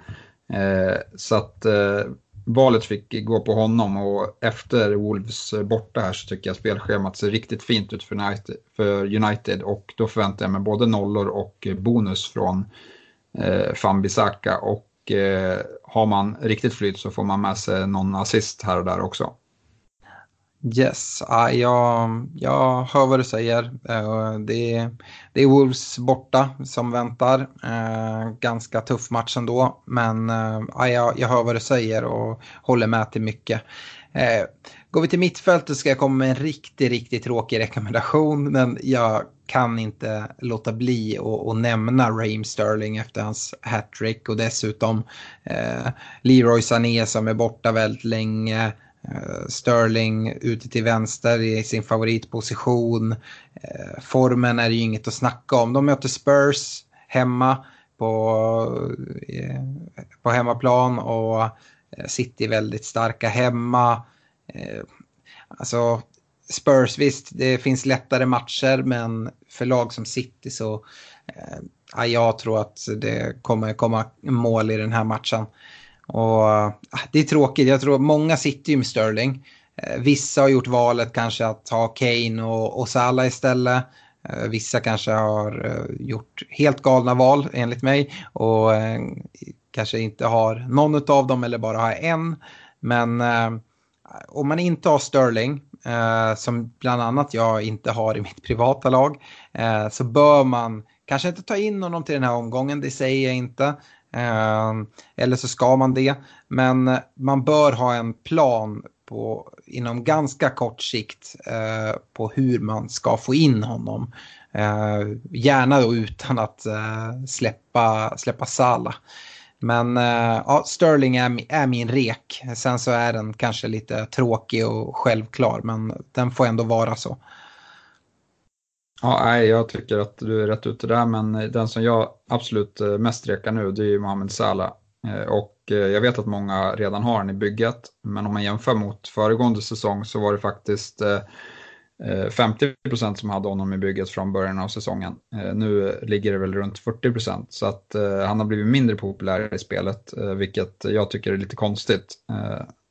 Då spelschemat ser jätte, jättebra ut skulle jag säga. De ska möta Arsenal på Anfield, men mot Arsenal brukar det kunna trilla in mål när Liverpool spelar och eh, sen har de kanske en lite tuffare match på pappret i omgång 6 borta mot Chelsea. Eh, men som vi såg här i omgång 1 så har ju Chelseas defensiv en hel del frågetecken kring sig. Så den ser jag inte heller som eh, någon omöjlig uppgift för, för Salah att ta sig an. Och däremellan så har de väldigt, väldigt fina matcher. Så att eh, kika på att få in Salah om ni inte har han i bygget skulle jag säga. Ja, absolut. Jag håller med fullständigt. Eh, går vi vidare på forwards så kommer jag gå in på Manchester United som du gjorde på försvarssidan. Och Eh, ja, Wolves eh, borta kanske inte är den bästa matchen, men eh, Rashford ska nämnas. Han tog straffen här senast. Eh, han sätter dit den fint. Jag tror att det är väl inte alls omöjligt att Rashford även kommer få eh, trycka in nästa straff om de blir tilldelade den mot Wolves, det vet vi inte. att Rashford utgår Eh, från vänster i den här matchen gör inte mig jättemycket. Så eftersom att han och Martial är så pass, pass flytande och byter platser med varandra. Jag tycker Uniteds omställningsspel ser väldigt, väldigt fint ut både omställningsspelet men även den höga pressen och vinna, vinna boll tidigt eh, tycker jag gynnar en sån snabb spelare som Rashford som passar i, i kontringsfotboll. Så att eh, han tycker jag man ska bör, bör eh, att man ska kolla på att eh, kanske få in om man inte sitter med någon United-spelare. Yes, jag tycker det också. Jag backar den här, då har jag aldrig skrivit upp honom som första val. Eh, men nu ska du få höra något intressant Alex. Mitt eh, forwards rek här. Jajamensan, det, det stämmer.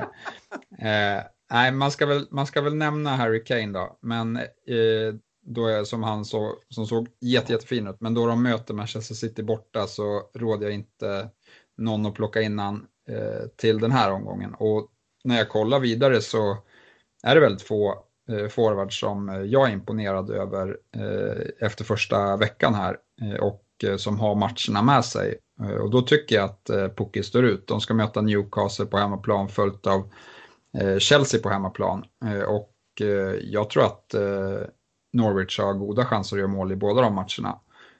Därav så faller kaptensreken här på Pukki. Han är dessutom en differential, alltså en som är ägd under 5% Så här kan man ju stå ut lite grann om man går på honom. Ja, ah, ja, jag tycker det är kul att du, även du har hittat till den här finnen. Eh, du som nämnde att du aldrig skulle ha en finne i ditt fantasylag. Nej, men han, som sagt, dubbla hemmamatcher. Newcastle hemma, ja men det vet vi. Det är ju liksom Newcastle, de kommer ha problem i år. Eh, Steve Bruce, alltså hans matchcoachning mot Arsenal när han plockar ut John Joe är ju helt sanslös. Eh, men även sen Chelsea hemma, vi såg Norwich mot Liverpool, hur, vilken hög press de spelade med. Eh, det är väldigt få som vågar göra det mot Liverpool på Anfield. Eh, vi såg även hur Chelsea hade jätteproblem med, med Uniteds höga press och bland annat Kurt Zuma slår bort en hel del bollar och så. Så det jag ser också hur de kunde göra mål där. Eh, fjärde matchen, eller mm, fjärde gameweeken är West Ham borta. Det behöver inte heller vara en dålig match. Så att, eh, spelschemat ser ju inte så risigt ut som man ändå först tänkte. Så att, eh, kul, eh, kul att se finnen där som, som forwardstrek redan efter gameweek 1. Jajamän. Eh, då kommer vi till varningen då. Eh, och min varning eh, kommer ju vara de här tidiga bytena som jag pratade om redan eh, direkt när vi kom in på Liverpool i matchgenomgången. Jag, eh, jag, jag hävdar att tålamod är det man måste. Man måste ge, ha tro till det lag man har satt ut. Jag bara kikar igenom här hur, hur bytena ser ut. Att folk byter ut Allison, ja det är ganska självklart. Eh, men kollar man på spelare som sen byts ut, ja men vi har eh, Bernardo Silva ligger tvåa. Eh, och utbyte av 205 000 managers. Vi har Robertson trea utbytt av 97 000 managers. Vi har Jimenez i Wolves utbyte av 97 000. Vi har Fraser utbyte av 96 000. Det är alltså topp 5-lista med utbytta spelare. Och då är det egentligen Allison som är skadad och missar. Dessutom så är det här redan på tisdagen. Eh, vi skulle kunna se Eh, Liverpool och Chelsea-spelare som spelar imorgon som skadar sig där man nästan tvingas göra ett byte och i så fall eh, få ta minuspoäng redan inför Game Week 2. Eh, jag skulle säga avvakta mera byten. Eh, det, eh, aj, jag manar till tålamod och eh, förtroende i de val ni hade och satte ut från början. Det är, eh, är min rek. Sen säger jag inte att det är helt fel att göra byten, men eh, generellt sett så tycker jag att man ska ha lite mer tålamod än vad många människor visar. Ja, här, här tänker vi väldigt lika Alex och eh, jag kan väl dra upp några spelare som jag säkert tänker mig att många byter in och det skulle kunna vara Origi, Mares eller Barnes Eh, och eh, i de två första där, de, då är det inte ens säkert att de startar nästa match. Eh, så hård är konkurrensen i deras, i deras lag. Och Barnes kontra Wood, där skulle jag säga att ja, men, det har gått en game week och nästa game week kanske det är Wood som gör två mål. inte helt omöjligt. Men, men har man däremot en Allison eller en Pulisic, ja då kanske det är läge att agera på det man har sett. Men som sagt, tålamod är nog att föredra här. Det brukar vara det som skiljer de lite bättre managers från eh, eh, de som agerar lite för snabbt. Eh, och dessutom har jag noterat att prisuppgångarna här verkar ju ske eh, betydligt långsammare än eh, i fjol, eh, då vi inte har sett några prisändringar än, trots att det har skett rätt drastiska bytestal här på spelare. Så att det tolkar jag som att det kommer, vi kommer se mindre prisuppgångar i år, vilket också gynnar att Eh, de som är lite mer tålmodiga. Ja, konstigt att vi inte har sett några prisjusteringar på exempelvis Allison och Ederson där många har gjort bytet. Så det håller jag verkligen med om. Uh, yes, uh, kaptensvalet då. Som sagt, det enda logiska valet den här veckan tycker jag måste gå till Mohamed Salah då Liverpool möter ett försvarssvagt Southampton. Och äh, jag, jag tror att Salah kommer göra mål och äh, kollar in direkt på vår partner Coolbet vad de, vad de ger för odds. Så hittar ett odds som jag lockas av, det, som det finns bra spelvärde i. Att Salah ska vara målskytt i matchen ger 2,05 i, i odds. Så att äh, den, den är man ju inne och fingrar på redan. Äh, jag, jag förstår att man måste liksom nämna Eh, spelare som Sterling eh, efter ett hattrick i Game Week 1, även om de möter Spurs. Men eh, för mig, det logiska valet kommer vara Salah och jag är rätt övertygad om att det kommer vara det absolut mest populära valet. Och eh, ja, vissa vill undvika det mest populära valet, men det är ju populärt av en anledning. Ja, nej. Ja, jag håller med. Jag kommer också sätta min kaptensbindel på Sala. Eh, men eh, jag tror ju att eh, Sterling kommer få Walker Peters och Eh, se riktigt bortkommen ut här om han eh, startar eh, för Spurs i, i matchen. Mm. Nej, det, det, är, det är inte dumt och där är det ju form egentligen. På Sala så är det ju både form och eh, motstånd. Sen så har Sterling eh, fördel av hemmaplan. Salah och Liverpool spelar ju borta mot Sa15. Så att eh, det ska man väl också väga in i den här, i den här eh, eh, tanken. Uh, yes, differential-val då, under 5 procent. Eh, ah, ja, jag har ju redan skjutit in eh, när du pratar Aston Villa och McIn. Jag, jag älskar ju den här killen. Jag har honom i mitt bygge och 5,5 ägs av 3,9 procent. Aston Villas jättefina spelschema. Aj, eh, McIn, jag, jag gillar vad jag ser. Ja, han står först på min lista också. Eh, men mitt andra val eh, faller på Lanzini i West Ham. Eh, deras fyra kommande matcher är mot Brighton, Watford, Norwich och Aston Villa.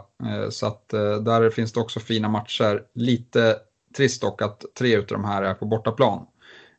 Men det behöver inte betyda att West Ham inte kommer kunna göra mål eh, mot de här lagen. Och jag tyckte Lanzini såg bra ut även om det var som sagt svårbedömt mot eh, när de mötte Manchester City i premiären. Då. Yes, där har ni fått våra tankar kring spelare vi tror på på respektive position.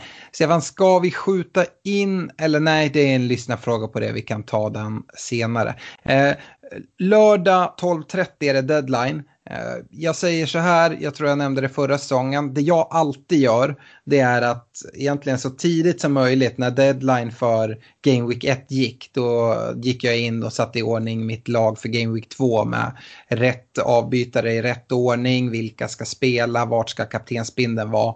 För om det nu är så att jag skulle missa deadline helt så har jag ändå ställt in laget så att jag är nöjd med det. Jag gör inte mina byten då, utan och det, det kan hända att jag ändrar. Men gör det tidigt så om det skulle missas. Eh, men det ska ju inte missas. deadline är lördag 12.30 då Arsenal och Burnley eh, drar igång. Och varför inte kasta in ett eh, odds från, eh, från Coolbet. Det är 2,02 på att båda lagen gör mål och Eh, ja, jag vet att du är Arsenal-supporter Stefan, men eh, du kanske inte är den största supporten av ert eh, försvarsspel. Så att Chris Wood kanske får göra sitt första Premier League-mål för säsongen mot just Arsenal. Ja, det är väl möjligt, men nu håller vi en bortanolla här så att jag, är, jag är försiktigt optimistisk inför den matchen. Ja, du får betta emot då, att Arsenal håller nollan borde du kunna få riktigt bra odds på. Jag har det inte framför mig, men ja. Eh, med det så ska vi hoppa in i lyssnarfrågorna. Och eh, som sagt, jag vräkts in lyssnarfrågor. Vi eh, ska eh, försöka dra av så många vi hinner. Det har redan varit ett långt avsnitt. Men eh, om vi börjar med lyssnarfrågor kopplat till de här eh, premiumspelarna. Eh, Andreas Norberg uttrycker det bra, vi behöver kanske inte svara på det, men varför har jag inte Sterling i laget?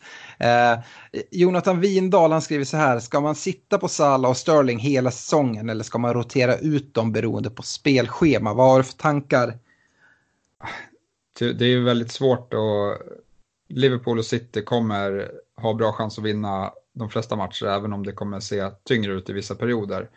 Eh, det är klart att eh, poängtaket borde vara högre när de möter sämre lag. Eh, men det kan ju även vara så att de möter sämre lag som backar hem väldigt mycket och då behöver det inte eh, bli så att eh, det blir mer poäng i de matcherna.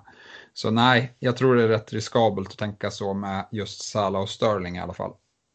Ja, alltså det är, det är ju givna kaptensval också, mer eller mindre game week efter game week. Så att av de anledningarna så finns det ju väldigt bra anledningar. Eh, generellt sett så, alltså man ska aldrig säga att han ska sitta där hela tiden. Men om det inte sker några skador eller några jätteformdippar eller vi börjar se konstiga eh, rotationer och sånt så känns väl de som två av de mest trygga i spelet. Och Eh, de är inte så känsliga beroende på spelschema heller.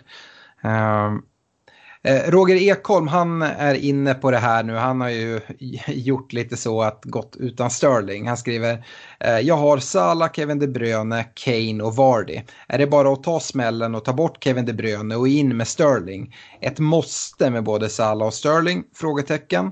Är det värt att ta minus 8 eller till och med köra ett wildcard? Eller ska jag avvakta till Game Week 3? Eh, ja, han har lite fler frågor, men om vi stannar där. Eh, jag tyckte ju Kevin De Bruyne såg riktigt bra ut i Game Week 1. Ja, det håller jag med om. Eh, det, det, håller jag med om. Och eh, jag tror inte att man måste absolut inte ha Sterling i, i Game Week 2. Eh, och eh, jag tycker man har för lite information för att säga vad som är rätt eller fel efter en Game Week. Så att eh, i det hans läge så om man känner att han har ett bra lag, eh, det enda, att hans, det enda hans enda brist är att han saknar Sterling, ja men då kanske han eh, kan spara sitt byte här i omgång två, få mycket mer information på bena eh, och sen göra ett trippelbyte i omgång tre till exempel. Och framförallt spara sitt wildcard. Absolut. Ja. Eh, vidare säger han det, eh, in med Dunk till 4,5 och ut med Stones eller van Bissaka för att få råd med bytet. Han skriver att han har van Dijk, Stones och van Bissaka in 3-5-2. Eh, som sagt, jag, jag tycker avvakta Roger. Eh, det, det, låter som att han har ett bra lag. Så att, ja. eh, jag, ty jag, tycker att eh, det är nog, han, han har nog mycket att vinna på att få lite mer information här. Alltså jag skulle ju inte trilla av stolen om, Ke om Kevin De Bruyne trumfar Sterling i fantasypoäng i Game Week 2. Det skulle jag inte göra. Kan hända. Mm. Eh, Tommy Valkonen, eh, kommer alla ha kaptensbindeln på Salah denna runda med tanke på City Spurs? Eh, nej, det kommer inte alla ha. Det kan vi väl säga på en gång eftersom att Salah ägs av 40 procent. Så att eh, 60 procent har inte ens möjligheten. Och uh, som sagt, du nämnde Sterling. Det behöver ju inte vara dumt att sätta binden där. Eller på Kane eller någon annan uh, bra spelare. Men vi förväntar väl oss ändå att Salah är ganska tydlig etta i eh, kaptensdiskussionerna. Ja, det tror jag. Eh, Robin Aronsson är också inne på Kane här. Kane eller Aubameyang kommande omgång? Ja, om det bara är för en omgång då, då är det Aubameyang såklart om han redan har. Det, det låter som att han har Aubameyang. Ja. Eh, ja, jag håller med. Sitter man med båda och ska välja en kapten eh, eller om man ska ha Aubameyang och ska göra ett byte för att få in Kane eller sådär. Ja, det kanske jag inte hade gjort. Men eh, eh, nej, jag, jag tycker inte att du behöver byta. Om du inte har varken Kane eller Aubameyang skulle jag inte byta in dem inför den här omgången. Om jag nej. säger så. Eh, Andreas Lindgren. Eh, Kane hade binden förra veckan men, ko eh, men kommer någon gång i motståndet klart tuffare. Ska jag byta honom mot Rashford? Hur tror ni Liverpool startar mot Saints? Men om vi bara tar eh, Kane-frågan. Inte ska han byta ut Kane för att få in Rashford? Nej, det, det, det känns dumt. Väldigt kortsiktigt. Eh, Spurs har ju jättefina hemmamatcher. Och uh, Kane är ett klockrent eh, kaptensval i eh, de här kommande hemmamatcherna. Newcastle hemma, Game Week 3, Crystal Palace hemma, eh, Game Week 5, Southampton hemma, Game Week 7, Watford hemma Game Week 9. Alltså nej, Kane ska inte ut. Har han i bygget så ska han vara kvar även om man har en match borta mot City. Som man mycket väl kan göra mål i. Uh, mm, uh, annars då, jag har delat upp frågorna lite. Om vi går, börjar med forwards. Uh, Ossi Bertilsson skriver, den mest värdefulla 6,5 striken. Är det Pucki, Stefan? Ja, alltså, som sagt, jag tycker det var väldigt få som imponerade här i omgång ett. Sen, eh, det betyder inte att man ska bara byta ut alla som man har, utan man får ju se eh, över lite fler. Man behöver minst två, två till fyra veckor på sig innan man ser något trend skulle jag säga. Eh, men den jag skulle byta in om jag var tvungen att byta in någon, vilket jag kanske är med då Delofeo var riktigt, riktigt svag, eh, så kikar jag på Pucki mest. Ja.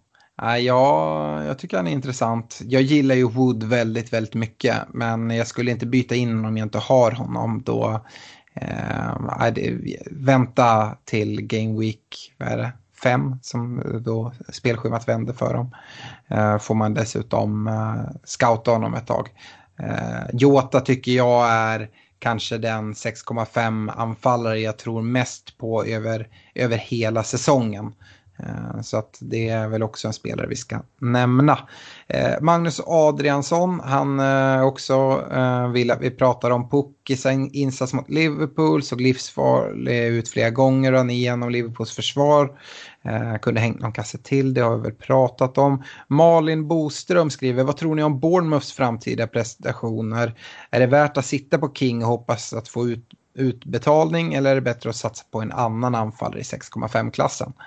Ja, nej, men som sagt, jag tror man ska ge King en match till och det är lite så här brist på alternativ. Eh, Pucki som vi nämner, det, han såg jättefin ut, eh, men sen vet vi inte ska, hur han är över säsong. Eh, men som sagt, eh, eh ja, jag hade nog gett King eh, en match till i alla fall.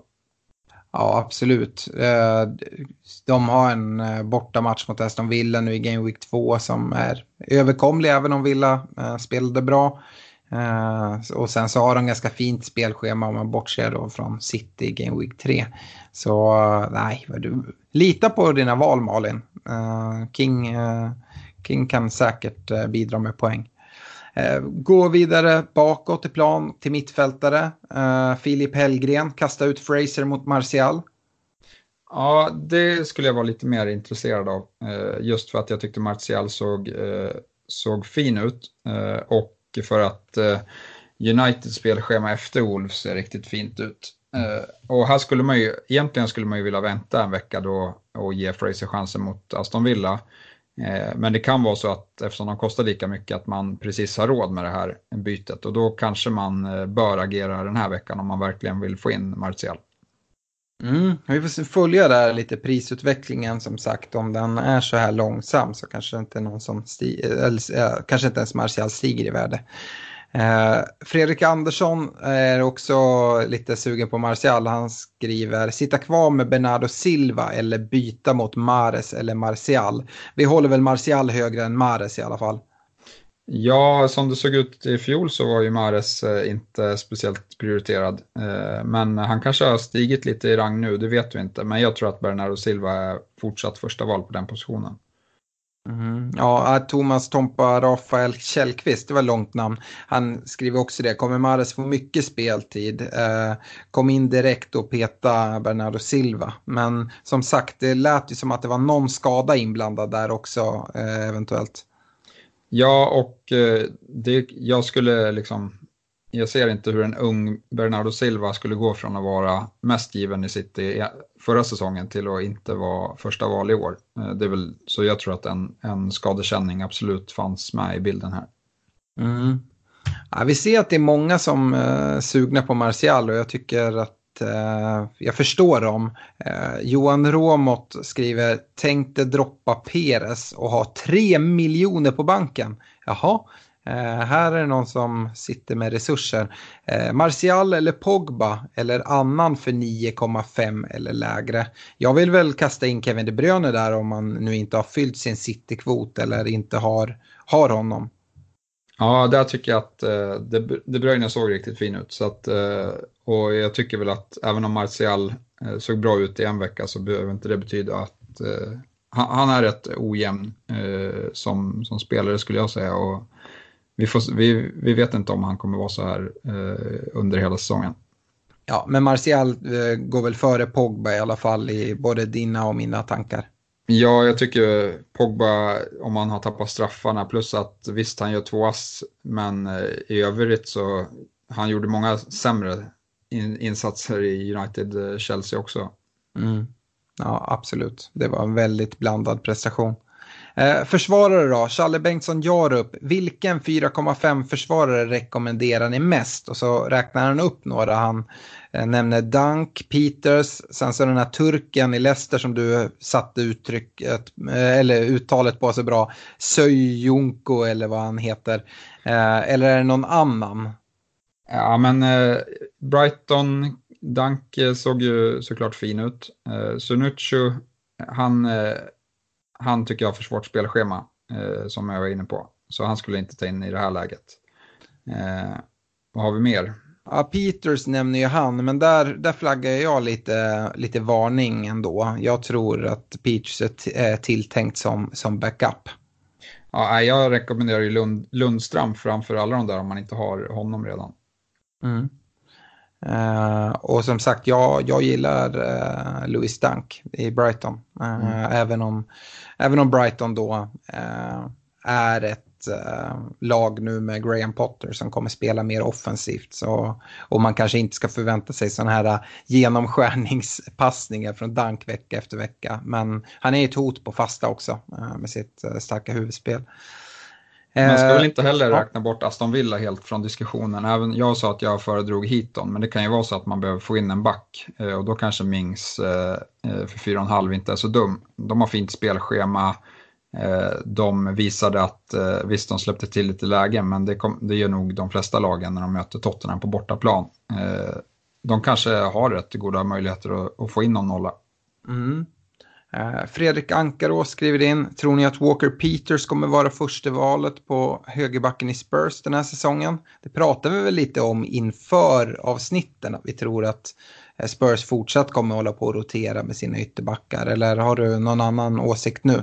Nej, det tror jag. Uh, Pochettino har gjort det jättemycket genom åren här, både med, med Trippier och Aurier och på andra kanten med Davis och Rose. Så mm. jag, jag ser ingen anledning till varför han skulle ändra på det. Nej, och det är ju där och sen så ska man nämna att eh, Foyf som spelade mittback mycket förra säsongen under försäsong spelade högerback en hel del. Eh, nu är han avstängd precis som Son här i Game Week 2 men sen är han tillbaka. Så att eh, ja, Foyf är också någon, så då är det både Foyf och eh, Ore som, som utmanar Walker Peters. Så att eh, ja, där är väl, eh, de kommer nog dela på speltid.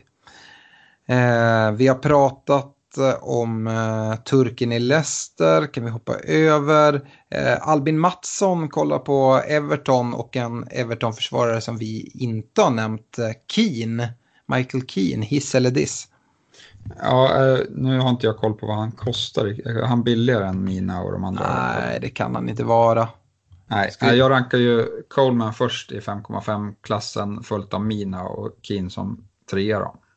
Ja, jag ska bara kolla så jag inte säger fel här nu. Nej, han är också prisad 5,5. Mm. Nej, då tycker jag han är minst intressant i Evertons backlinje.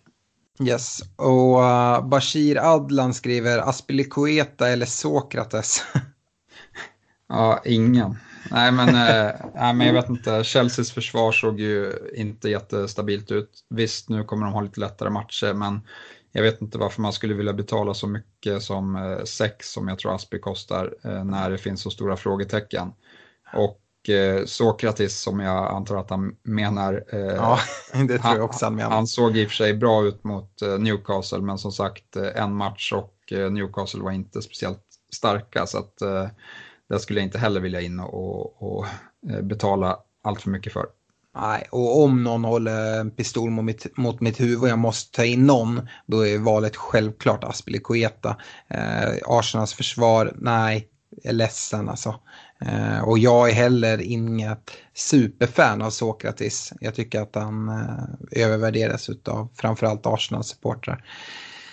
Eh, yes, eh, lite andra frågor då, och det var det här jag var inne lite på i rekommendationer. Vi har ju inga målvaktsrekar för vi tycker att det är ett byte man sällan gör. Men nu är det ju aktu äh, eh, aktuellt. Eh, Karl Kviding skriver ifall Allison nu blir borta från spel länge. Vad har ni för rekommendationer för de som har honom i laget? Är det att ta in Ederson, de Gea, Juris etc. Eh, eller sätta in Adrian och uppgradera någon av utespelarna? Ja, men jag skulle nog inte sätta in Adrian för jag tror att försvarsspelet kommer bli sämre. Plus att då får man göra ytterligare ett byte sen när Alisson är tillbaka. Eh, utan jag hade, hade jag haft det, den situationen och haft en cityplats öppen då hade jag nog gått på Ederson. Mm, ja, det hade nog jag också. Hade kanske eh, lockats lite av det ske, men jag tror att man hade fått äta upp det. Jag, tror, jag var ju sugen på att spela Ederson och en 4,0 och jag antar att Eh, om man har Allison så har man en 4,0 målvakt och då behöver man göra bytet. Eh, så aj, jag tycker Ederson känns som en ganska given. Om det nu inte är så som sagt att man sitter med tre, tre City-spelare redan för då eh, behöver du ju göra ett ytterligare byte och det skulle jag inte göra. Eh, så ja, nej, eh, då hade jag nog gått på, på någon annan målvakt som jag, jag tror på men kanske inte Adrian. eh, precis som du säger för då ska jag målvaktsbyte igen sen. Eh, nej, det känns inget vidare. Eh, Sonny Forsberg, eh, vilka lag eller spelare ska man undvika de närmaste omgångarna? Samt vilka spelare fortsätter med sin form som pekar uppåt tror ni? Eh, vi har väl pratat ganska mycket om det i laggenomgången. Är det något du vill eh, pusha för ytterligare? Eh, nej, jag tror inte det. Eh, men Leicester Southampton och har ju i alla fall tuffa matcher här. Ja. Eh, Johan Gedhammar, eh, han är imponerad av Mason Mount och Emerson i Chelsea trots förlusten mot United. Eh, någon av dem som kan vara värda att satsa på? Ja, jag håller med om att Mount får vara debutant gör det bra och Emerson var ju också riktigt offensiv. Men Mount tror jag kan roteras en hel del trots att han fick förtroendet här. Eh, och då skulle jag nog hellre kika mot Emerson, men inte med förrän jag får bekräftelse att Chelsea är lite tätare bakåt. Ja, och dessutom eh, Alonso, vad hans status är. Kommer han och Emerson eh, rotera på den där platsen, vilket jag tror är ganska, ganska troligt. Eh, då är det inget kul att ha Emerson varannan match. Eh, det, nej, det är jag inte så intresserad av. Eh, Brian van den Brink, Manchester United, vilka är värda att bevaka framöver? Ja, det är ju Rashford, Martial, eh, van Bissaka. Det är mina tre som jag kollar mest på. Mm. Maguire? Ja, absolut. Maguire och van Bissaka var faktiskt rätt jämna i det här bonuspoängsystemet som räknar ut vilka som, tre som ska få bonus. Eh, van Bissaka eh, trumfade i den här matchen, men det är som sagt bara en match, vi får se nästa. Eh, men Maguire kommer vara med där i snacket också någon, någon, någonstans. Mm. Men jag tycker sättet United slår sina hörnor på så tror jag att eh, man kan inte förvänta sig så många mål på Maguire utan snarare kanske assist då man slår liksom sådana här ballongbollar in som han går upp och vinner ner till någon annan snarare än att han ska göra mål själv. Ja, jag brukar inte gilla de här ballongerna men med Maguire kan jag gilla dem lite mer faktiskt. Eh, för att han är väldigt säker på just dem att vinna de duellerna och då blir det en del situationer in i straffområden. Eh, så ja, eh, Anton Stadius eh, undrar vilket spelarbyte vi ska göra i vårt gemensamma lag. Det har vi redan nämnt. Följ oss på Facebook så kommer du få reda på om vi gör något byte och i så fall vilket det blir. Eh, Emil Eriksson, en sista fråga här från Facebook. Eh, eh han har en fråga om expected goals. Vad baseras det på? Eh, exempelvis har West Ham expected goals conceded 3,2 just nu. Eh, baseras det på föregående match, en algoritm inför kommande eller vad gäller? Eh, jag vet inte, Stefan, jag kan dra lite kort bara. Det, det är ju en jättelång algoritm eh, som baseras på hur bra chansen är, vart skotten tas ifrån och sådana saker. Eh, det är dessutom, just den här 3,2 den är nog hämtad från matchen mot City.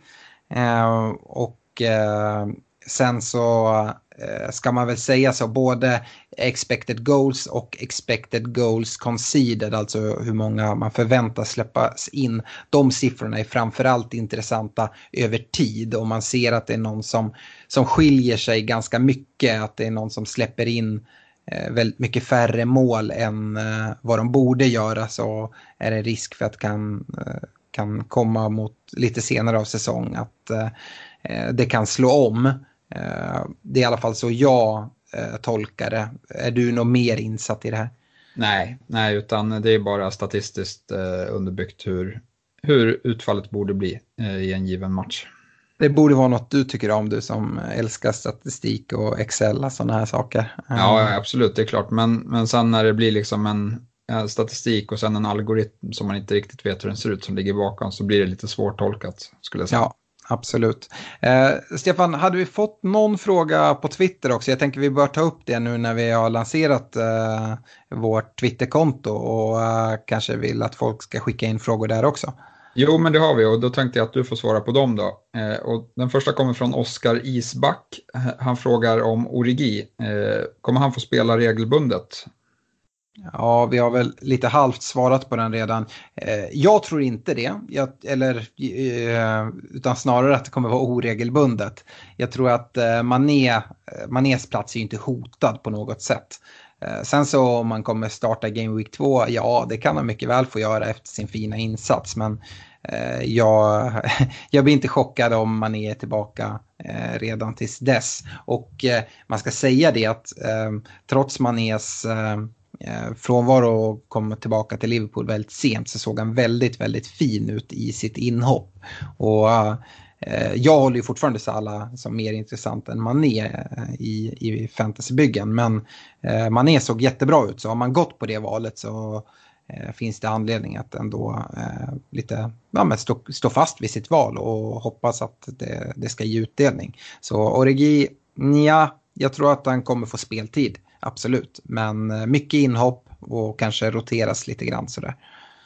Yes, och så har vi en sista fråga från Martin Svensson. Eh, hur lång tid ska man ge sina Bournemouth-spelare? Ja, eh, det beror lite på skulle jag säga hur ens lag ser ut i övrigt. Eh, och vilka Bournemouth-spelare man har. Märker man att man har chansat på någon 4,0 försvarare, till exempel Rico som, som spelade, det är en spelare som mycket väl kan tappa sin plats här eh, när de får tillbaka spelare från skador. Eller om man gick på, på Simpson som eh, Jack Simpson som är ägd av 8,3 procent som är en annan 4,0 försvarare som inte fick speltid. Ja, då är det inte läge att uh, sitta och vänta. Men uh, jag kanske tänker att han menar Fraser eller Wilson eller King. Ja, då skulle jag nog ha, ha lite mer tålamod. Eh, dels vill jag spara ihop till två byten eh, och sen kanske man gör något. Men eh, kollar man spelschemat också så vi har varit inne på det. De möter City i Game Week 3. Men annars är det rätt okej okay spelschema här eh, till starten. Du nämnde att Aston Villa har det allra bästa eh, spelschemat. Men Bournemouth kan inte vara jättelångt efter tror jag. Nej, absolut inte. Eh, så äh, men eh, det är väl det och sen så självklart måste man väga in sånt som du nämner att eh, om man har en 6,5 forward i King och är väldigt väldigt sugen på någon annan 6,5 forward och är liksom eh, avhängd på att det kan komma prissänkningar eh, och prishöjningar eh, då kanske man ändå tvingas till att göra det där bytet men eh, jag tror ändå att King kommer plocka sina poäng under säsongen. Han kommer inte eh, vara med i någon skytteliga topp men han kommer ta poäng. Det tror jag.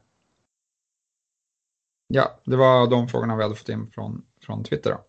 Fantastiskt, massa lyssnarfrågor blev det och eh, ett fullmatat första eh, ordinarie avsnitt. Eh, ge oss jättegärna feedback på det här avsnittet. Vad vill ni ha mer av? Vad vill ni ha mindre av? Och Eh, så ska vi försöka ta till oss och, och göra en så bra podd, podd, som möjligt och där är ni lyssnare högst delaktiga. Så uh, hjälp oss gärna att bli bättre och hjälp oss jättegärna att växa och få in fler uh, folk som lyssnar på podden, som är med i vår liga och uh, ja, vi tar nya tag mot Game Week 2 och lycka till allihopa så hörs vi här framåt. Stort lycka till, hej!